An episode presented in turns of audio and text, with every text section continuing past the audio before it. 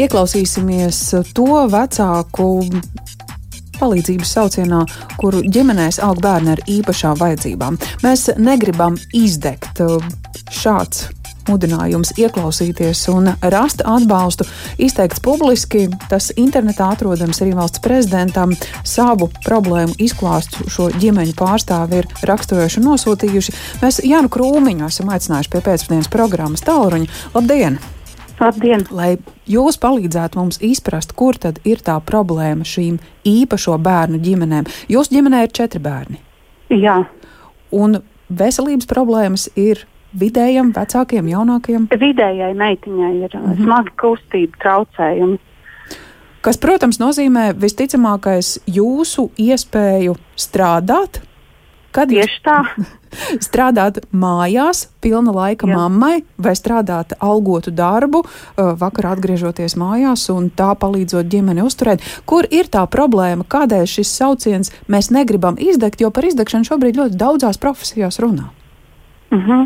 uh, es vairāk stāstīšu visu vecāku vārdā, kas sagatavoja šo video, Jā. jo mēs vairāk nevaram kā līdz šim. Mēs izdegam un pietiek slēpties aiz visu varošo vecāku maskas brīdī, kad mums jau ūdens smeļas mutē.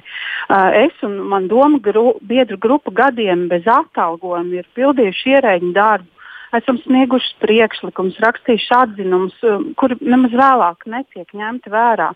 Un, un, un neredzam tādu konstruktīvu pieeju mūsu problēmu risināšanā. Esam neskaitāmas darba stundas pavadījušas ministrijās, darba grupās, kurām vēlāk nav pēctecības.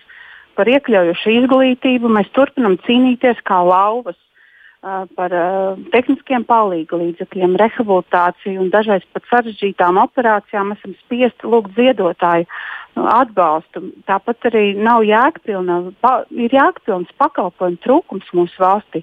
Piemēram, pakalpojums attēlpas brīdis. Um, viņš ir domāts kā atbalsts ģimenēm, kuras var līdz 30 diennaktīm nu, iedot savu bērnu tā teikt, valsts aprūpē, bet reāli tas ir nodot savu bērnu bērnu namā vai valsts uh, sociālās aprūpes centrā. Kas beigās ir traumatiski bērnam, kad vecākiem vai nu vajag doties komandējumā, vai brīvdienās, vai vienkārši veltīt laiku arī pārējiem ģimenes bērniem. Un, un šobrīd ar šausmām mēs gaidām asistentu reformu, uh, kur tiek formāli solīts, ka uh, mūs atbrīvos no birokrātijas, uh, tāda atskaitīšanās sistēmas, bet realitātē mūsu bērniem tiks samazināts uh, pakalpojumu apjoms uz pusi no 160 stundām mēnesī uz 80. Mhm. Bet uh, šajā reformā netiek risināts pats galvenais jautājums, ka fiziski šādu asistentu nav un tādēļ šo lomu uzņemās ģimenes locekļi. Netiek risināts par asistenta atalgojumu, sociālām garantijām, slimības lapām un maternitātes pabalstu. Un tā vietā bieži vien mēs uh, ierēģu acīs tiekam uzskatīti par krāpniekiem, tiekam saukti par peļņas guvējiem, kuri vēlas, vēlas iedzīvoties uz valsts rēķina. Mhm. Un, un domājam, ka nu, šādā veidā nav, nav radīta sistēma, kura mums būtu palīdzoša un atbalstoša. Vēl vairāk šādas ģimenes tiek uh, grūstas nabadzības zonā un nostādītas mūžējā, mūžīgā lūdzēja lomā.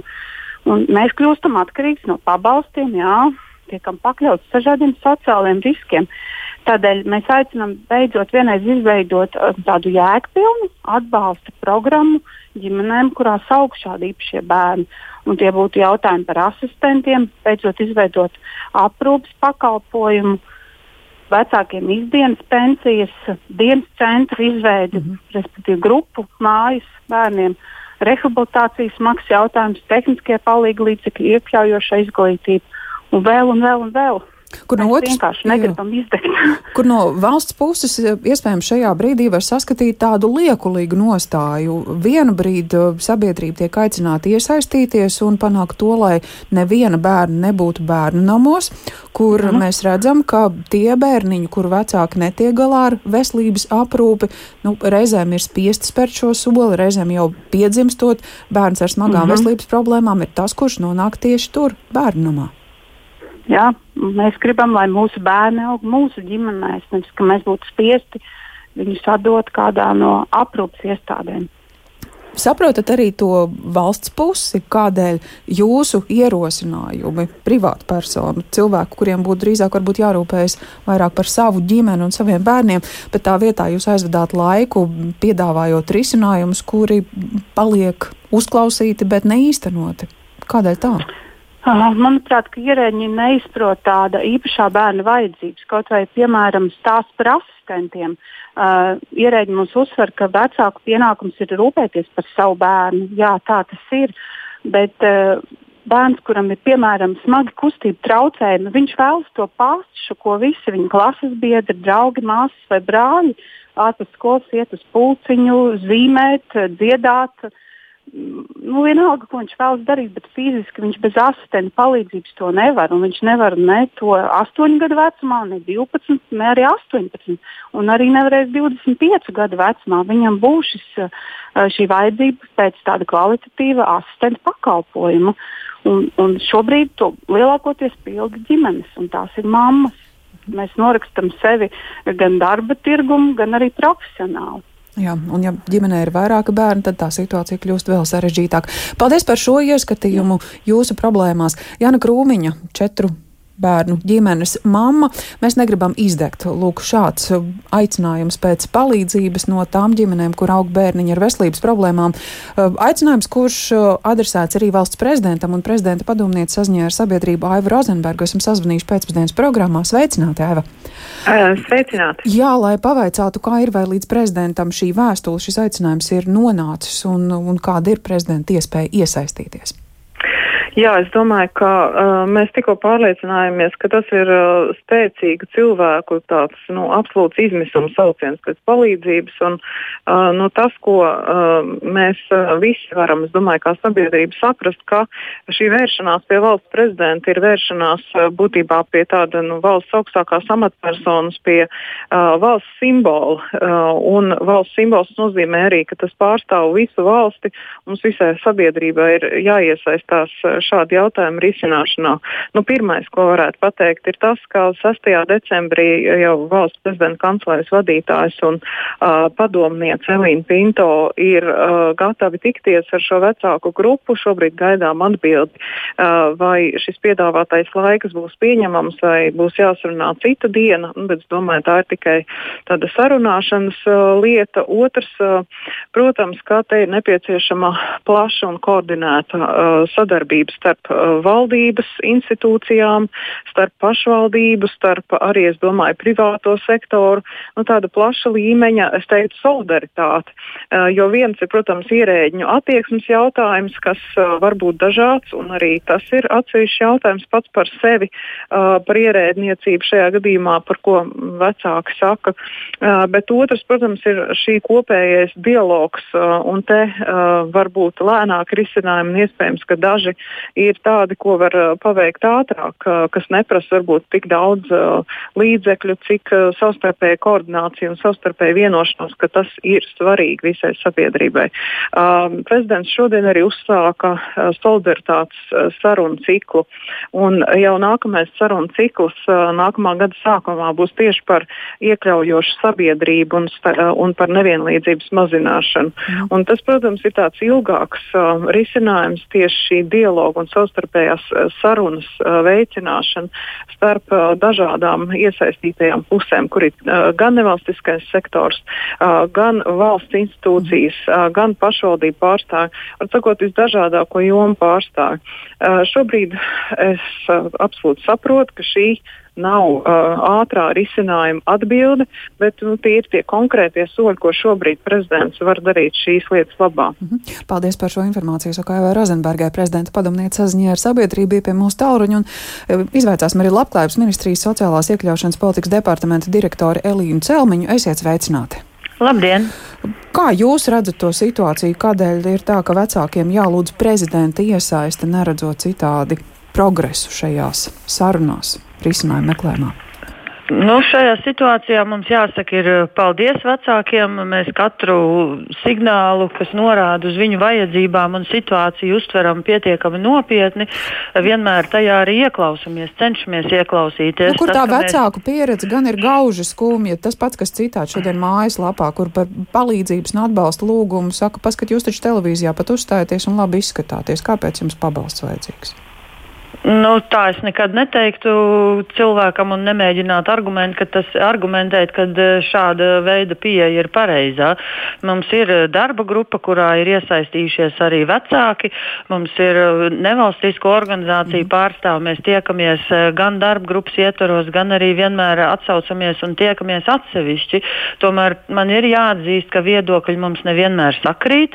Mums ir jāsamēro resursu iespējas ar vajadzību vajadzībām, gan tām, kas ir šai grupai, gan arī kopumā ar uh, citu grupu situāciju un vajadzībām. Un jāpiekrīt, ka vajadzības saraksts vienmēr būs garāks droši vien nekā mūsu vislabākās iespējas šīs vajadzības apmierināt. Tā skaitā raugoties uz to asistentu reformu, ko vecāki arī pieminēja. Nu, pie asistenta reformas mēs tiešām nepagurstoši esam strādājuši nu, jau vairākus gadus. Likās jau, ka vienu soli risinājumu virzienā esam spēruši, un mums arī šķiet, ka mums ir pamatot argumenti, kādēļ eh, plānotais atbalsts ir tāds, kā viņš ir. Tomēr daļu, mazu daļu vecāku šis piedāvājums, eh, kā mēs dzirdējām, neapmierina.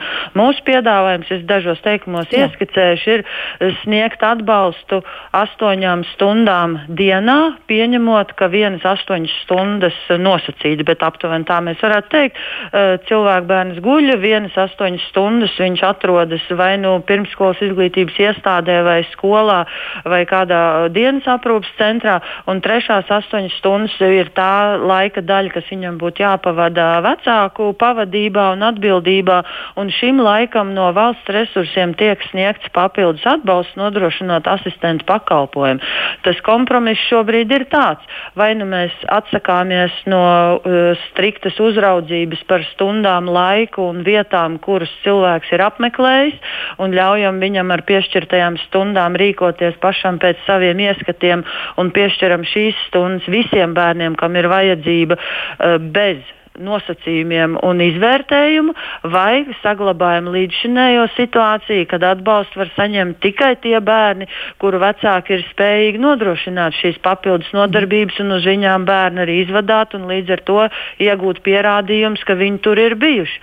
Mūsu ieskatā atbalsts ir veidojams samērīgi visiem bērniem vienādi un kontekstā ar to, ka mēs gribam atteikties no atskaitīšanās sistēmas, šis piedāvājums vairumu cilvēku acīs tomēr tiks saskatīts uzskatīts par samērīgu un saprātīgu. Nu, jā, acīm redzot, process, kurā tātad sarunas turpināsies, nu, iesaistoties arī valsts prezidentam un vēl plašākam speciālistu lokam. Paldies par šo ieskatu problēmu risinājumu Ailīna Celmiņa, Labklājības ministrijas sociālās iekļaušanas politikas departamenta direktoras brīdi bijām aicinājuši pie tālruņa un gatavojot rādījumu sazvanījāmies arī ar Ādažu novadu domas priekšsēdētāju Māris Prindžuku, atceroties, ka pirms pāris gadiem tieši Ādažu vārds plaši izskanēja, jo tur bija iecer veidot dienas centru, pret ko pašvaldības opozīcija iebilda savācot prāvu iedzīvotāju parakstu skaitu pret centra izveidi, skaidrojot situāciju, gan iedzīvotāju domas mainījušās. Mēs Mārim Sprinčukam pa tālu arī vaicājām, cik tālu ir pavirzījies centra projekts. Ir tiešām gandrīz jau gads strādāts, un um, mums ir bijuši kopā četri vai pieci iepirkumi, bet nu, beidzot ir izdevies uh, uzsākt darbu. Tātad šobrīd ir noslēgts līgums un tiek projektēta dienas centra ēka, lai saskaņā mūsu noteikumiem un finanšu portfeli, tātad uzbūvētu funkcionālu klientiem atbilstošu ēku. Tajā vietā slimnīcas kvartālā, tā mēs viņu saucam. Šobrīd ir tāda skiču stadija, kurā tātad eh, arhitekti piedāvājuši jau vairākus metus. Mēs arī jau domājam par to, ko mēs būvējam par šiem resursiem, bet arī skatāmies uz perspektīvu, kā funkcionāli šo telpu un teritoriju attīstīt tālāk, ja būtu vairāk resursu. Nu, droši vien ne tikai par resursiem, arī par uh, reģionālo reformu un tīri teritoriālo pieaugumu nu, būs jādomā. Jā, tātad, jo tā situācija mainās. Uh, gadu atpakaļ nevienam sapņos nerādījās, ka administratīva teritoriālā reforma ādažiem var nozīmēt uh, nezinu, trīs vai četru pašvaldību apvienošanos centru ādažos. Jo tobrīd ādaži bija 12,000 iedzīvotāji ar savām problēmām. Un šobrīd mums reforma vēl nav beigusies, un katru dienu parādās, ka tā viena pašvaldība ir ādažos vai nav ādažos, visādas indikācijas. Un, kā lai saka, viss stāv vaļā. Mēs nezinām, cik liela būs ādaža, viena, divas vai četras pašvaldības vai piecas. Bet skaidrs, ka ādaža kā pakalpojumu centrs būs neatkarīgi no tā, kā tā reforma beigsies. Tas jau ir redzams. Un, ja mēs veidojam pakalpojumu iestādi, mums nu, nebūtu pareizi uzbūvēt kaut ko tādu, kas ir pa mazu jau pašā sākumā. Jo aug ādaži un arī aug taciņas uz ādažiem. Ja runājam par aprūpas centru, kad tas būs gatavs, kas tajā būs, kādas iespējas tur būs bērniem, jauniešiem, pieaugušajiem? Nu, tā tad mums bija divas klientu grupas - bērni ar funkcionāliem traucējumiem un pieaugušie ar garīgi raksturu traucējumiem. Tad sanāk, ka katru dienu no rīta šeit um, atved vecāki vai piederīgie savus tuviniekus un uh, sociālie pedagogi, psihologi, ergoterapeiti, nu, tālīdzīgi speciālisti strādā ar, ar mūsu cilvēkiem, mūsu klientiem. Nu, tāds sava veida tā dārziņš. Līdz pieciem vakarā viņi kvalitatīvi pavada laiku, nodarbojās, pilnveidojās, gūst iemaņas kā nu kuram tur tā situācija, bet viņu ģimenes locekļi tajā laikā var iegūt unikālu iespēju, nezinu, beidzot strādāt pilnu vai daļēju laika darbu, vai kaut vai vienkārši aiziet nezinu, pie friziera vai, vai biblioteka, teiksim, dzīvot cilvēku cienīgu dzīvi. Viņiem ir vairāk laika darīt kaut ko, ko viņi līdz šīs situācijai nevarēja darīt. Un tā ir tātad ļoti kvalitatīva izmaiņa šo ģimeņu situācijās, Nu, jo iepriekš tādas situācijas vienkārši nebija. Ja ģimenē ir kāds uh, cilvēks ar traucējumiem vai invaliditāti, tad sanāk, ka uh, kāds ģimenes loceklis būtībā viņam ir piesiets uh, nepārtrauktā režīmā. Viņš visu dzīvi pakārto faktiski šai kalpošanai. Tam ģimenēm ar aprūpējumu būs kāds līdzmaksājums, vai te pašvaldība ir gatava sekt visas izmaksas? Šobrīd, kamēr ir Eiropas Savienības projekts, tātad laikam līdz 23. gadam, izdevumus seks uh, Eiropa, un pašvaldībai ir uh, līdzmaksājums. Un privātiem klientiem nav jāmaksā nekas. Beidzoties Eiropas fondu periodam, pakalpojumus seks pašvaldība, bet šie pakalpojumi būs pieejami, protams, mūsu iedzīvotājiem.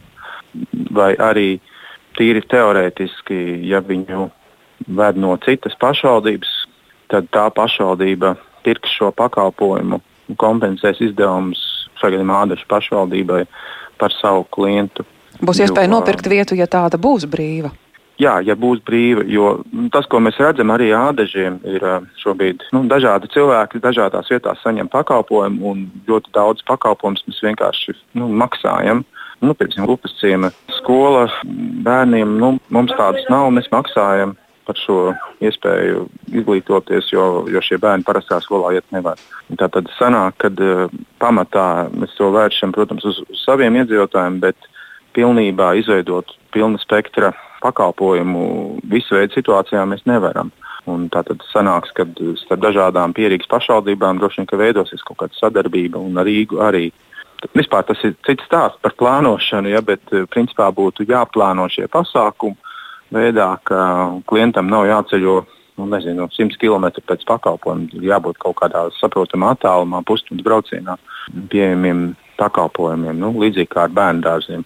Kam tas būtu jāplāno? Pašvaldībām, labklājības ministrijai? Nu, šobrīd sanāk, ka ir kaut kāda iedīgļa no plānošanas, jo iniciatīva nāk no plānošanas reģiona. Bet uh, pašvaldības šobrīd piesakās nu, voluntāri. Viena grib teiksim, veidot dienas centru, citi grupu dzīvoklī, citi saka, mēs vispār nepiedalāmies, jo tas būs ļoti dārgi. Un sanāk, ka veidojās tāds raips deķis pakalpojumu vietām. Šur tur viņš ir un šur tur viņš nav. Un līdz ar to man redzot to kopskatā, ir skaidrs, ka neveidojas optimāls pakalpojumu pieejamība bet uh, labāk ir nu, kaut vai sākt darīt kaut ko, nekā gaidīt nu, kaut kādu perfektu situāciju. Un šajā gadījumā, nu, atcīmredzot, tāda iet uz priekšu, mēs riskējam, mēs uh, parēķinājām, jā, tie būs finanšu izdevumi, vēlāk uh, lielāki izdevumi kā, kā vēsturiski, bet mēs politiski saprotam, kā vārdā mēs to darām. Tātad tie ir mūsu iedzīvotāji. Un, nu, arī, ja rada struktūra, viņai jābūt kaut kādā saprotamā mērogā, lai viņi būtu efektīvi. Nav jēga taisīt nezinu, trim vai pieciem vai septiņiem cilvēkiem pakalpojumu struktūru, viņi būs pārāk dārga. Tātad ir svarīga arī šī kritiskā masa. Katrā apdzīvotā vietā to nevar izdarīt, tas ir pārāk dārgi. Kā jūs plānojat, kad centrs ādažos vērs durvis? Es negribu samelot, es domāju, ka nākamajā rudenī jau tā ēka varētu būt gatava. Jo šobrīd viņa tiek projektēta, pavasarī var uzsākt būvniecību, un mums ir domāts, ka viņi ir koka karkasa paneļu ēkas. Celtniecība ir ļoti ātra, tātad viņus samontē rūpnīcā un saliek uz lauka, un tas būvniecības periods ir relatīvi īs. Tātad es domāju, gads vai nedaudz vairāk par gadu tas ir tas periods, kurā jābūt gatavam. Tā dažs novadoms priekšsēdētājs Māris Sprindžuks.